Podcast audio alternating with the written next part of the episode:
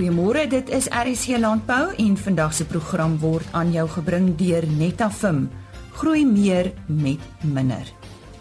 Ons vind vanoggend meer uit oor Senseed wat uh, onlangs bekend gestel is. Dan is dit weer tyd vir die KwaZulu-Natal NWKV en RPO roetevergaderings en jy vind meer uit daaroor. 'n Boer in die Vrystaat gee 'n raad oor herstel na die droogte veral wat jou kudde betref en dokter Fafa Malan gesels oor Januarie siektes. Want ja, aangesien ons eh, so aan die einde van die week staan en daar dalk 'n onderhoud is wat u misgeloop het of 'n program wat u nie na kon luister nie, besoek gerus die algemene RSG webtuiste. Dit is www.rsg.co.za en soek net onder potgooi vir RSG landbou. Ons onderhoude word ook apart gelaai op www.agriorbit.com. Klik bo in die bladsy op broadcast en selekteer dan RSG landbou. Ons medewerker daar in die Vrystaat en KwaZulu-Natal het die Sen Seed bekendstelling bygewoon. Kom ons vind uit waaroor dit gaan. Aan die woord Isak Hofmeyer. Ek sit hier by twee manne van Sensaku. Uh, Patrick Graham is die kommersiële direkteur van Sensaku en uh, François Kokemoer is die navorsingsdirekteur van Sensaku. En ons is hier by die geleentheid van die aankondiging van Senseed.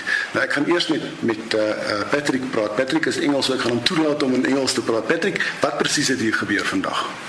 Uh, thank you very much for the opportunity. Um, well, today was for Sensako a milestone event, and that's for the last eight years we have been investing in new products to increase our product portfolio. And part of our development was the opening of our new seed processing plant, warehouse, and office facilities uh, here in Bethlehem. And together at the same time, we've also announced a new joint venture between Sensako and VKB for a seed distribution network for the summer rainfall areas in South Africa where uh, Sensako seed will be distributed through this new joint venture. In jou in jou aanbieding het jy 'n uh, 'n ding gesê wat my laat regop sit het ten minste, miskien die ander ouens ook en jy het gesê julle is nie primêr winsgedrewe nie. Well, No, um, our, our, our, belief is that uh, making a profit is not the objective; it's a result. And when we took over the company, we sat down and, and there were a couple of things that we looked at. Um, and we, we decided that what we wanted was to be able to make a meaningful contribution. Um, we believe there's a need for a South African seed company that is primarily focused on the interest of the South African farmer, primarily in some of the smaller crops that may not be of particular interest to a multinational company. Um, we want to be different in everything that we do, and we believe in challenging the status quo. And where we can, we try and do things differently. Um, and the way that we challenge the status quo is to invest in our people, uh, research infrastructure, and product development. And the, um, the launch of our plant today is an indication of where we're going. That together with the initiative with Senseed and VKB. Die ander term wat jy gebruik het wat my interesseer is die term van 'n multi-local. Wat presies het jy daarmee bedoel? Well, a multi-local is essentially a building of strong relationships through, with other local seed companies around the world. Sensako is not a multinational. And if you look at the sizes of the seed market shares internationally, the top, the largest three have over 50% of the global proprietary seed market share, and it's mainly surrounded around corn. The, the largest five have over 60% of the world market share. So how does a company like Sensaku, it's relatively small and local, compete? Well, the way we do it is we collaborate internationally with other local, smaller companies. So we're not part of a, a global multinational, we're part of a global multi-local. And essentially, it's like playing it forward. Where we share, others will share with us. Where we benefit, others will benefit. And where others benefit, we can also benefit, but only if we share. So that's the essentially a multi-local. Frans, jy het 'n uh, aanbieding gedoen meer van die die navorsingsoogpunt uit die aard van die saak en jy het ook 'n uh, bietjie gepraat oor van van die goed wat in die pipeline is. Maar 'n ding wat telkens na vore gekom het terwyl jy gepraat het is die die die begrip van integriteit. Jy sê heeltemal reg, Isak. Ek dink van Sensake se kant af um, voel ons dat die produkte wat ons aan produsente wil bemark, moet definitief met integriteit bemark kan word. Met ander woorde, uh, ons sal vir hulle waarborg dat 'n produk gaan nie slegter wees as dit van in die mark is nie, maar hopelik beter wees van dit van dit van die mark. As ons kan nie ons ons ons ons brand skade doen deur uh, produkte te bemark wat produsente gaan in die steek laat en en en verlies uh, gaan laat lê nie. Maar hoe kan julle daai waarborg lewer? Isak, ons het van seker die ek wil nou nie my verstout om te sê maar regtig uh, van van van die beste navorsingsspanne in Suid-Afrika en dalk in die suidelike halfrond. Ehm um, ons navorsingsspan het, het het meer as 200 jaar se ondervinding agter hulle. Met ander woorde, dit is dit help ons om die navorsing wat ons doen um, op so 'n mate te kan doen dat die antwoorde wat ons kry is betroubare antwoorde.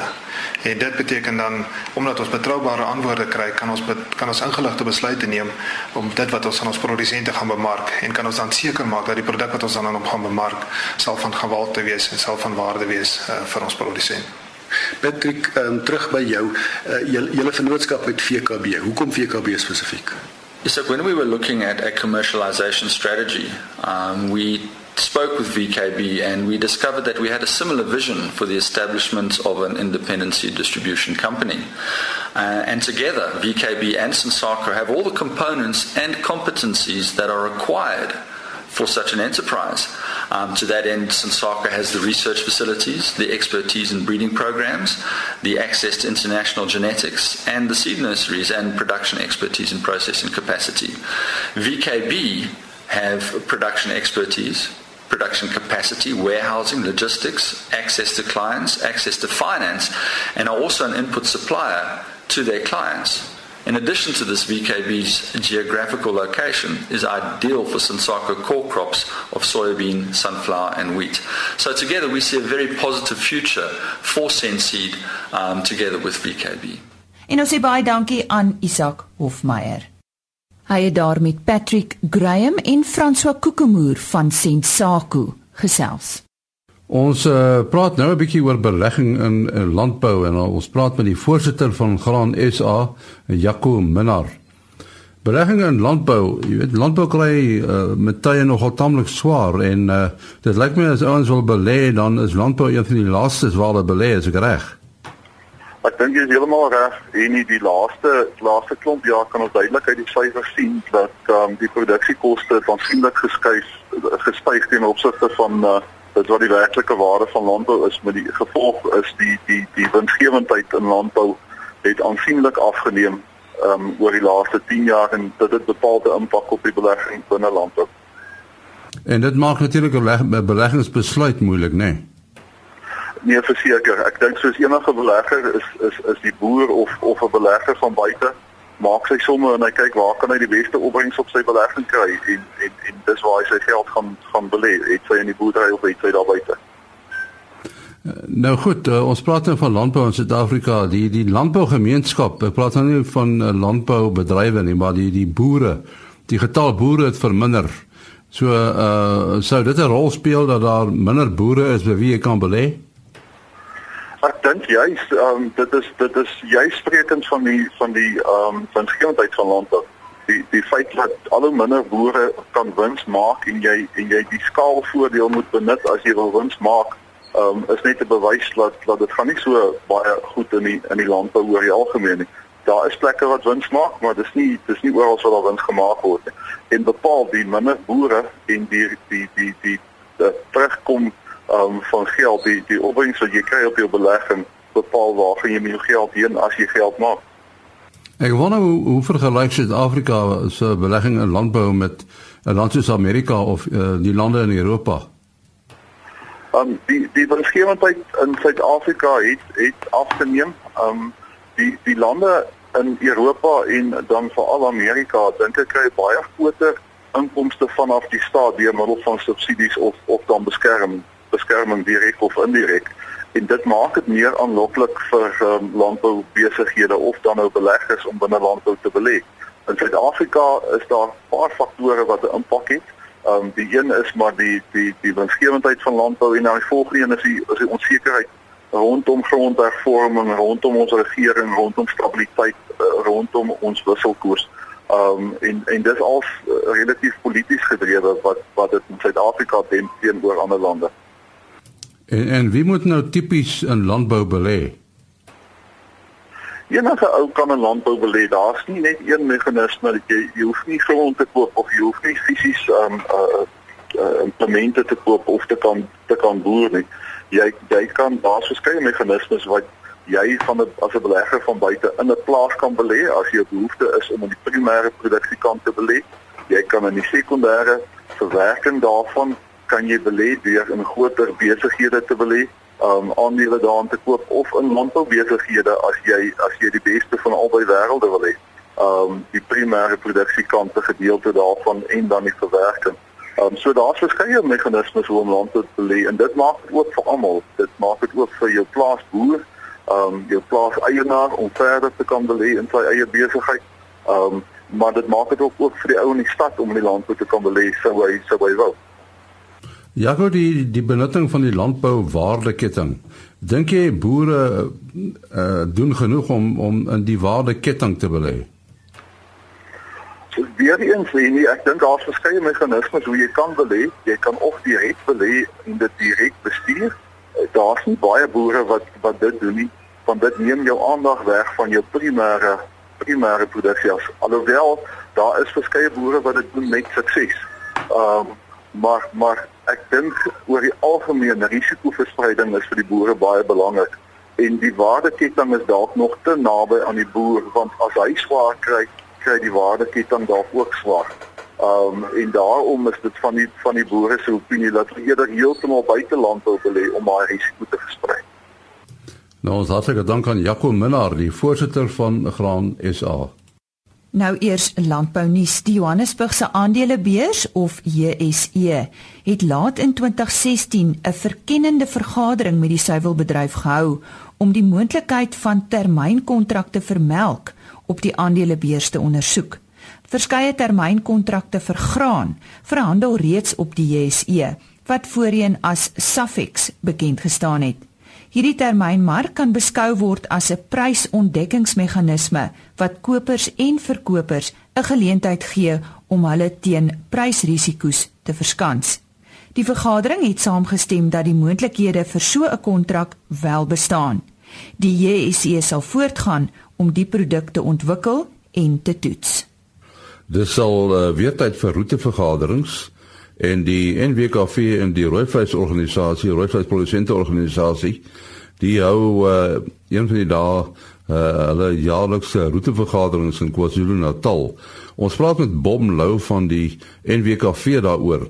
Uh waar hou julle oral die roetevergaderings bom? Môre Henny. Uh ons begin daar in Noord-Natal.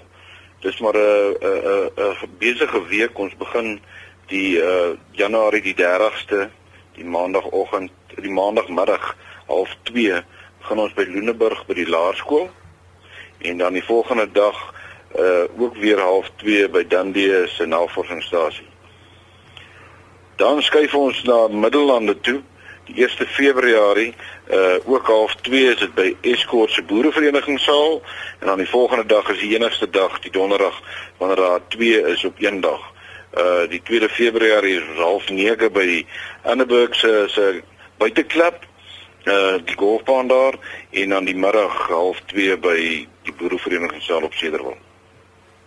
Uh, wat is die doel van hierdie soort vergaderings? Werk dit vir julle? Jong, dit werk baie goed. Nou, dit dit is eintlik maar in in die plek vanaam by die NWKV. Kyk, ons doen dit saam met die RPO. Uh die RPO het nog vanjaar hulle hulle uh uh kongres ook. Maar die NWKV Natal het seker 10 jaar nou al wat ons nie kongres hou nie. Wat ons eers eerder hierdie streeksvergaderings hou. Dit is om kontak te kry met die mense op die grond dat hulle hulle bedryfsorganisasie leer ken. Jy weet met die kongres het ons maar so 25, al was 50 afgevaardiges waarvan so 25 maar opdaag. By hierdie vergaderings bereik ons ons verlede jaar 270 boere bereik. En natuurlik dan hoor julle vir al die probleme en uitdagings. Ja, nee, ons ons praat oor die oor die soos hulle in Engels sê die challenges, die uitdagings en uh vir jaar sien ons baie uit. Ek dink dit gaan vir 'n verandering lekker nat wees. Die, die ons kom nou deur 'n geweldige droogte. Natuurlik reën dit nie gras nie, maar gelukkig kan ons die boere nou help om om weer aan die gang te kom en ek ek sien daarna uit. Ek dink ons gaan 'n 'n 'n rekord opkoms hê. Uh wie is die sprekers? Uh, hoofspreker hierdie jaar is uh Theo Forster van uh, uh Galileo Capital. Hy praat op uh, baie op die radio ook en op TV. Uh ons sien nogal uit daarna. Hy hy sy tema is is daar 'n silwer randjie vir landbou in 2017. En uh as mense nou belangstel om die uh geleenthede by te woon, met wie moet hulle in verbinding tree? Wel, okay, hulle kan my kantoor bel by uh, Jean uh Visser is 072 516 9589 is haar selnommer en uh, dan die die landlynnommer is 058 622 1511 en dan het ons ook 'n nommer uh wat hulle kan skakel by die RPO, is Cheryl van Heerden is uh, 034 212 3648. Is daar 'n rede waarom die RPO en die NWKV uh, kragte saamsnoer vir hierdie geleenthede? Kom ek sê vir jou 'n uh, ou wat by die wat 'n wolboer is, is lid by die NWKV, maar hy's ook 'n vleisboer. So hy is daar's soveel dinge wat oorvleuel. Alhoewel die RPO nou 'n baie groter organisasie is, die NWKV is nie NWKV nou meer oor vesel gaan maar eh, dit is daar's soveel dinge wat wat 'n ou kan saamsnoer en, en jy weet wat wat uh, gemeenskaplik is dit ek dink ons spaar geweldig baie geld en en uh uh wat effort ek weet nie wat se Afrikaanse woord daarvoor nie om om om dit gesamentlik te doen en dit werk vir ons dit dit dit, dit Dit is nou al seker die 10de jaar wat ons dit doen en en dit werk vir ons. Dan sê baie dankie Bom Lou van die NWKV. Na die wonderlike reën oor groot dele van die land, is dit amper ondenkbaar dat mens nou oor droogte moet praat. Maar is dalk juis baie goed om terug te dink aan die droogte en die lesse wat daaruit geleer kan word. Dit is in hierdie konteks dat ons nou met Niels de Villiers gesels. Hy is 'n boer in die Ventersburg omgewing in die Vrystaat. Niels was die vorige voorsitter van die RPO in die Vrystaat en hy's ook 'n beesboer. Nou Niels is maklik om terug te kyk en al die antwoorde in retrospek te hê, maar toe jy besef het dat die droogte rampafmetings aanneem, wat was jou strategie om dit te oorkom? Uh ja, goeiedag. Ek het in die eerste plek het, het ons al die diere wat wat wat ehm um, onproduktief is, het, het het ons van ontslaag geraak. En uh die die die voordeel ook van prestasietoetsing is om diere wat wat wat nie topgehalte is nie, om hulle eerlik te verkoop om jou kwaliteit diere oor te hou. Mm. Met ander woorde, mense probeer maar jou kernkudde oorhou. Uh goed, ons voerbanke het nie lank gehou nie omdat dit so ongelooflike droogte was. Mm. En vir my was uh, om weg te trek met die beeste ook nie 'n opsie nie, want na die oostelike dele van ons land toe was die veld suur, die enigste plek waar ons kon trek en um, die diere sou nie aangepas het daar nie. So mm. my my die, dit wat ek gedoen het was 'n moeilike keuse om te doen is om is om um, mm. is om 'n klomp diere te verkoop mm. om om uh, om met die kern uh, deur te kom deur die deur die droogte. Jy's uh, duidelik is suksesvol want jy boer maar nog steeds, maar as jy terugkyk, ehm um, het jy lesse geleer en sal jy nou in 'n volgende droogte uh, uh, dit beter kan deurstaan?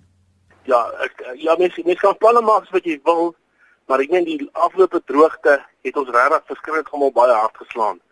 Uh, maar as ek kan lesse leer, ek moet net vroegtydig voorsorg tref as die as as dit lyk of dit gaan droog word of as jou veld vir jou wys, jy gaan nie deur die uh deur die winter kom met mm. met jou beeste nie. Mm. Moet mens maar voor uh vroegtydig moet mens maar verkoop en dan moet jy jou boerdery ook so aanpas dat daar altyd diere is wat jy kan verkoop. Mm. Soos osse of hamels of wat ook al mm. wat jy kan verkoop om dan nou die kernkudde deur te vat. Mm. En dan 'n heel belangrike voerbank want 'n voerbank is noodsaaklik ook vir tye van brand. Ons het nou vir jare 'n fantastiese jaar.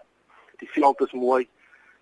So veldbrande gaan nou weer kan nou weer 'n probleem raak in die winter, dan moet mens voedbank hê om om om te om, om te oorwinter tot die volgende reenseisoen.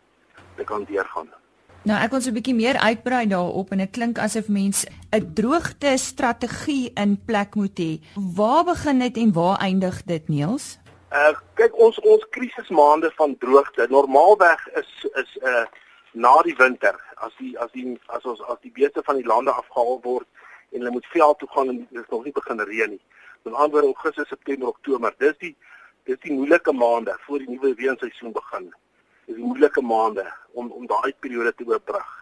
Dit is in goeie jare en in moeilike jare. Moeilike jare daai tyd wat net 'n bietjie langer uh, wat mense wat mens moet beeste deurdra. So net dis 'n strategie is is om altyd 'n voerbank hê. Moenie onproduktiewe diere uh, aanhou nie dan dan sit maar die genade van bo dat dit kan deurkom. Verseker. Bykans uh, die hele veebedryf gaan nou 'n kudde boufase binne om die getalle nou op te maak wat hulle in die droogte moes afgooi en ek ek um, ek is seker in jou geval ook so. Hoe lank neem so 'n proses tipies en het jy raad aan jou medeboere? Ja, so kudde boufase, ek is self in so 'n kudde boufase kan enigiets van 3 tot 5 jaar duur.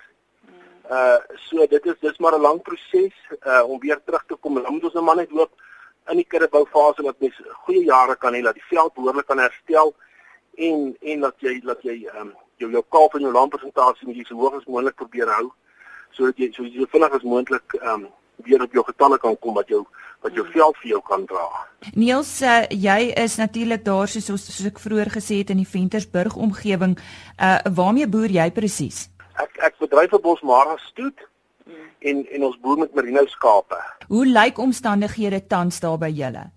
Nee, ek sê ons is baie baie dankbaar. Dit lyk ongelooflik mooi by ons. Ons het net vir vir Januarie het ons al oor die 100 mm gehad en dit my hart gaan regtig uit ehm um, vir mense in die Suid-Vrystaat en in die Karoo en in Noord-Kaap mm. en wat wat nog nog nie genoeg reën gehad het nie. Ons dink regtig aan hierdie mense, maar by ons lyk dit regtig fantasties. Ek dink van van Bloemfontein af noordwaarts het almal nou baie baie goeie reën gehad.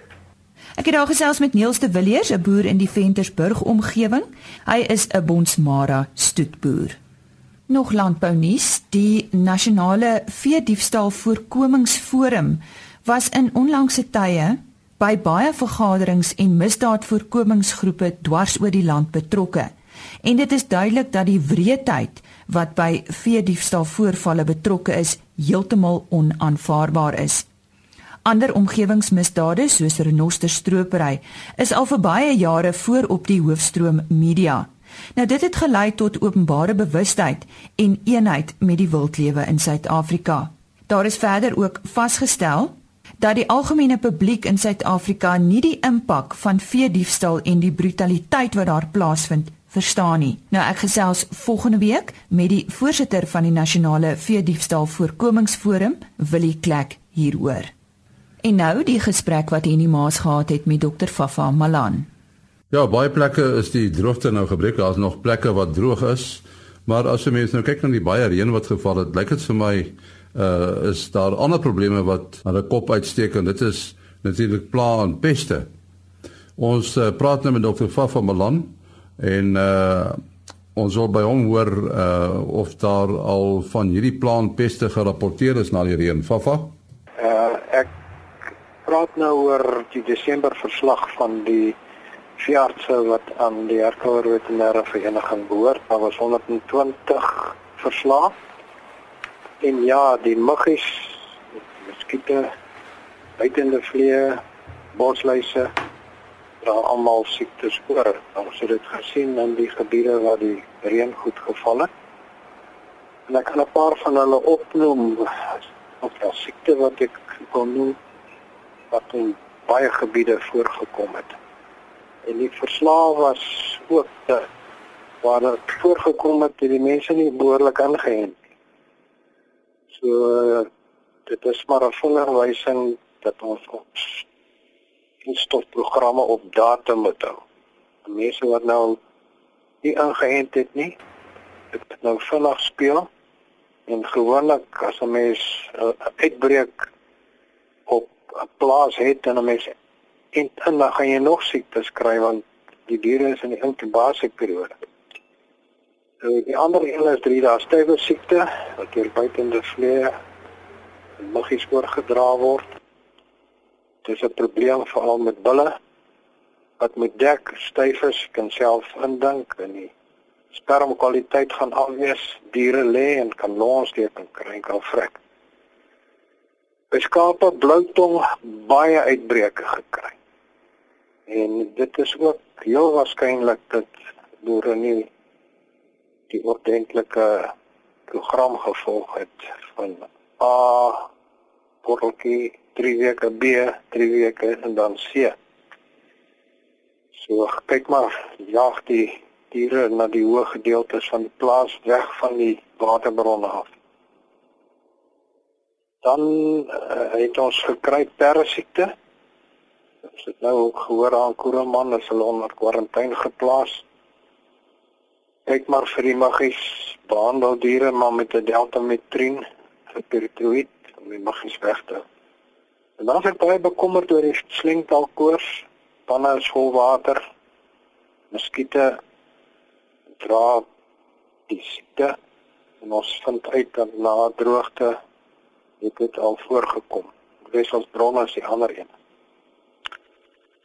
En dan die bosluise baie baie rooi waters. Die Afrika, maar veral die Asiatiese rooi water gerapporteer. Veroorsaak groot vreugdes. So kyk daarna bosluisbeheerprogramme natuurlik want ons eintlik al ingeënt gewees het in hierdie siektes. Dan uh bosluis halsiekte ander plasmose kom oral voor.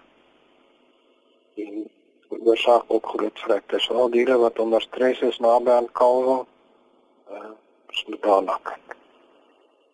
Dus dit is hoofsaaklik die insek en bosluis oorgedraagde siekte. Net om iets te sê onthou ehm um, dat ons het uh, gekry dat uh, knopvelsiekte oor deur boshuise oorgedra kan word. Nou natuurlik, uh, mense sal nou onmiddellik dink dat uh, die hoër aktiwiteit is miskien te wyte ook aan die aan die droogte, né? Nee?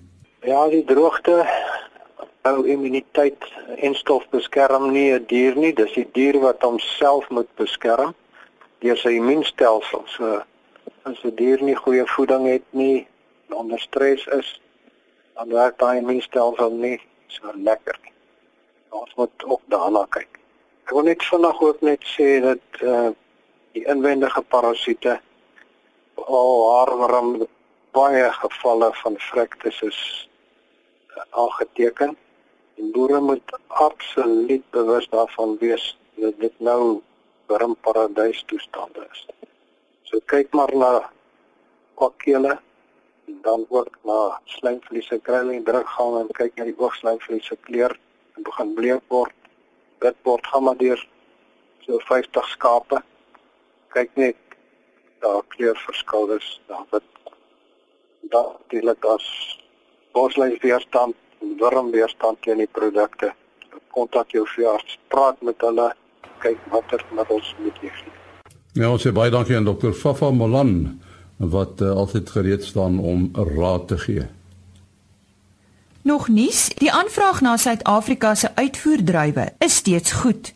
Hoewel goeie pryse op die Europese markte behaal word, is Kanada deesdae 'n gewilde bestemming vir Suid-Afrikaanse druiwe. Die uitvoervolumes van druiwe na Kanada het meer as verdubbel. Markte vir druiwe in die Verre Ooste het ook 'n toename in volumes ervaar nadat die protokol vir China gedurende die seisoen aangepas is. En daarmee fluit fluit ons stories uit vir hierdie week. Onthou Chris Viljoen môreoggend op sy pos as ook Saterdagoggend. Ek gesels dan weer Maandagoggend om 05:30 met u.